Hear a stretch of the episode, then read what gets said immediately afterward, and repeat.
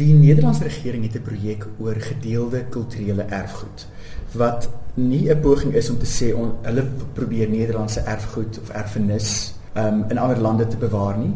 Waarna hulle kyk is hoe daardie erfenis kan bydra tot daardie lande vandag en in die toekoms in.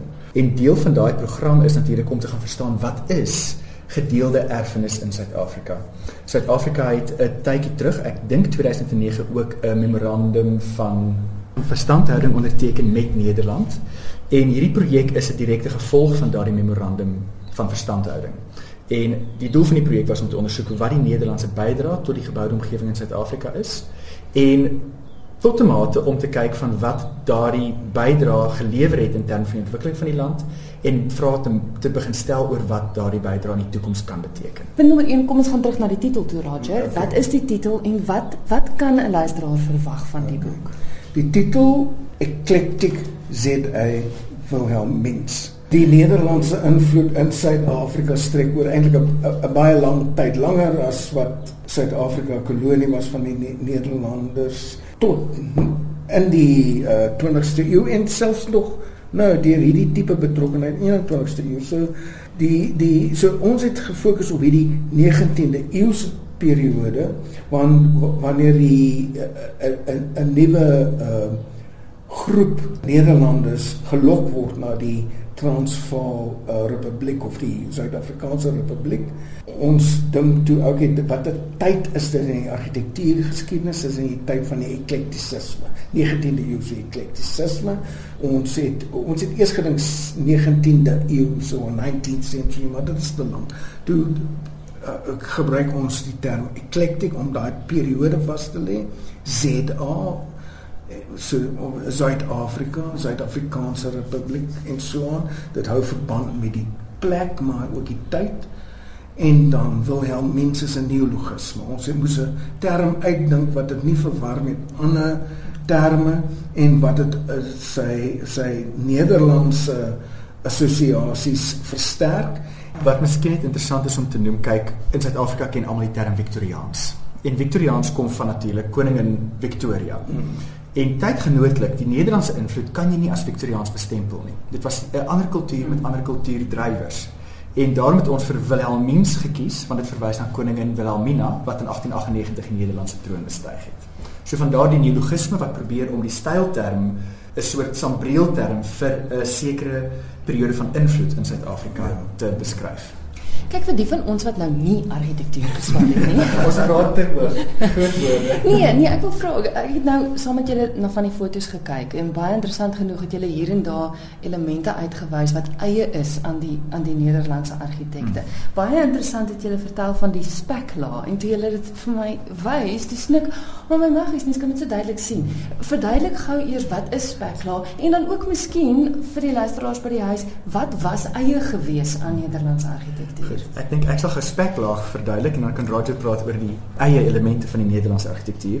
Speklaag is net 'n Nederlands gesê jy sê speklaag en dit is letterlik as jy rooi baksteen gebou het met bande van wit Daardie horisontale bande kan of van sandsteen gebou wees of dit kan net opgepleister wees. Jy het 'n basiese rooi gebou met wit horisontale laag wat lyk asof jy deur 'n stuk spek gesny het. Die ander ooglopende uh, stylkenmerke trapgewels, die spesifieke manier die spits uh, uh hulle noem dit uh, tyd tydgewels wat anders is as die Victoriaans wat wat uh, nie daai gespitsheid en en en 'n baie direkte verwysing na uh uh die die die Nederlandse invloede sou hier obviously. Een element wat mens kan noem van die Wilhelmines in Suid-Afrika is die gebruik van rooi baksteen, eintlik meer 'n oranje baksteen, die gebruik van speklaag, hout as dekoratiewe element op die fasades, die sogenaamde chalet styl en dan later van tyd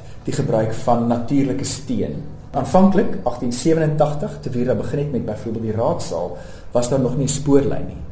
Mense dink die raadsaal is van sandsteen gebou, maar is eintlik gebou van meer en wel wat lyk op sandsteen is 'n sement fondue met ander woorde 'n sementblok wat ingevoer is uit Delft in Nederland wat alles op ossewaans van die spoorlyn in Charlestown by Volksrust Natal opgebring moes geword het na na Kerkplein op Pretoria. Al die hout is uit wat ja. die Baltiese gebiede via die Orkney-eilande via Natal ingevoer vir die banke en die plafonne en die vensters en die vloere.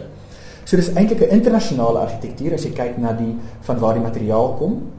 Dit is 'n Nederlands beïnvloede argitektuur as jy kyk waar die argitekte vandaan kom, maar dit is 'n Suid-Afrikaanse argitektuur as jy kyk na watter kultuur dit voorgebou is. En ook wie die mense was wat dit fisies gebou het. Wat belangrik is van die boek is ons probeer 'n argitektuur en argitektoniese erfenis binne konteks plaas wat nie verlede baie keer verwronge in 'n verwronge manier gedoen is. Dit vertel 'n verhaal wat vandag nie meer baie vertel word nie.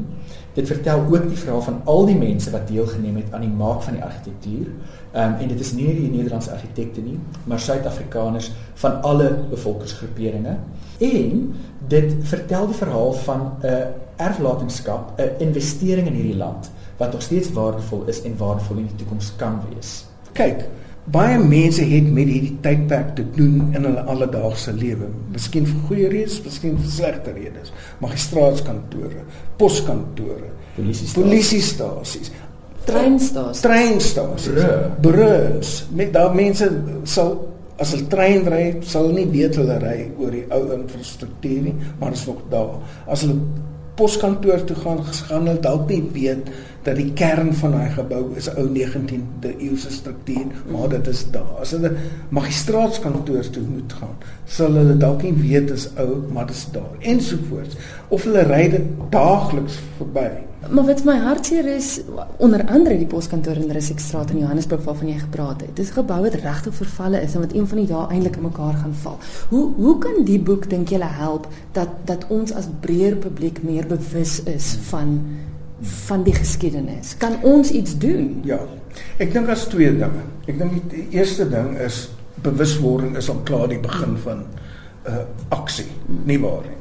Want as 'n mens weet wat is die waarde van iets en ek is nie een wat ek is nie 'n voorstander van net die feit dat omdat dit oud is moet bewaar word nie. Maar as dit 'n funksie 'n dien, dan natuurlik is dit bewaringswaardig want dit is 'n investering in infrastruktuur. Vergeet van die sentiment om die saak.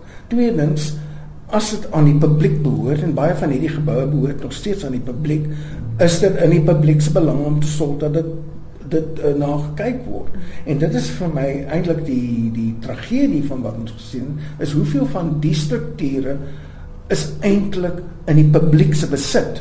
Met ander woorde, die publiek se verantwoordelikheid om te sorg dat hulle verteenwoordigers na hulle eiendom kyk. Dit is waarop dit neerkom as 'n mens. Jy weet ons is ons is in ons kultuur het ons nog steeds hierdie ding in ons kop dat iemand anders dra die verantwoordelikheid. Ja. Dit is nie waar nie. Ons dra die verantwoordelikheid. Is ons verteenwoordigers. Ons hoop dat die boek duidelik maak dat daar geweldig baie potensiaal is in hierdie strukture. Hulle is a regtig goed gebou. Is baie aanpasbaar. Het 'n 'n skoonheid, 'n mooiheid wat vir mense aantreklik is. Dis belangrik vir 'n gebou. En kan nog geweldig baie beteken vir die toekoms van hierdie land. En as ons dit kan duidelik maak en net mense weer besef laat be, laat bewus word van hoe wonderlik hierdie erflatingskap is, want dit is letterlik dis wat ons geërf het, ons erfenis, dan het ons al klaar 'n bydrae gelewer in die bewaring, maar nie net in die bewaring nie, maar vir al die hergebruik van hierdie geboue in die toekoms in. En soos Roger gesê het, hergebruik is die beste manier om iets te bewaar.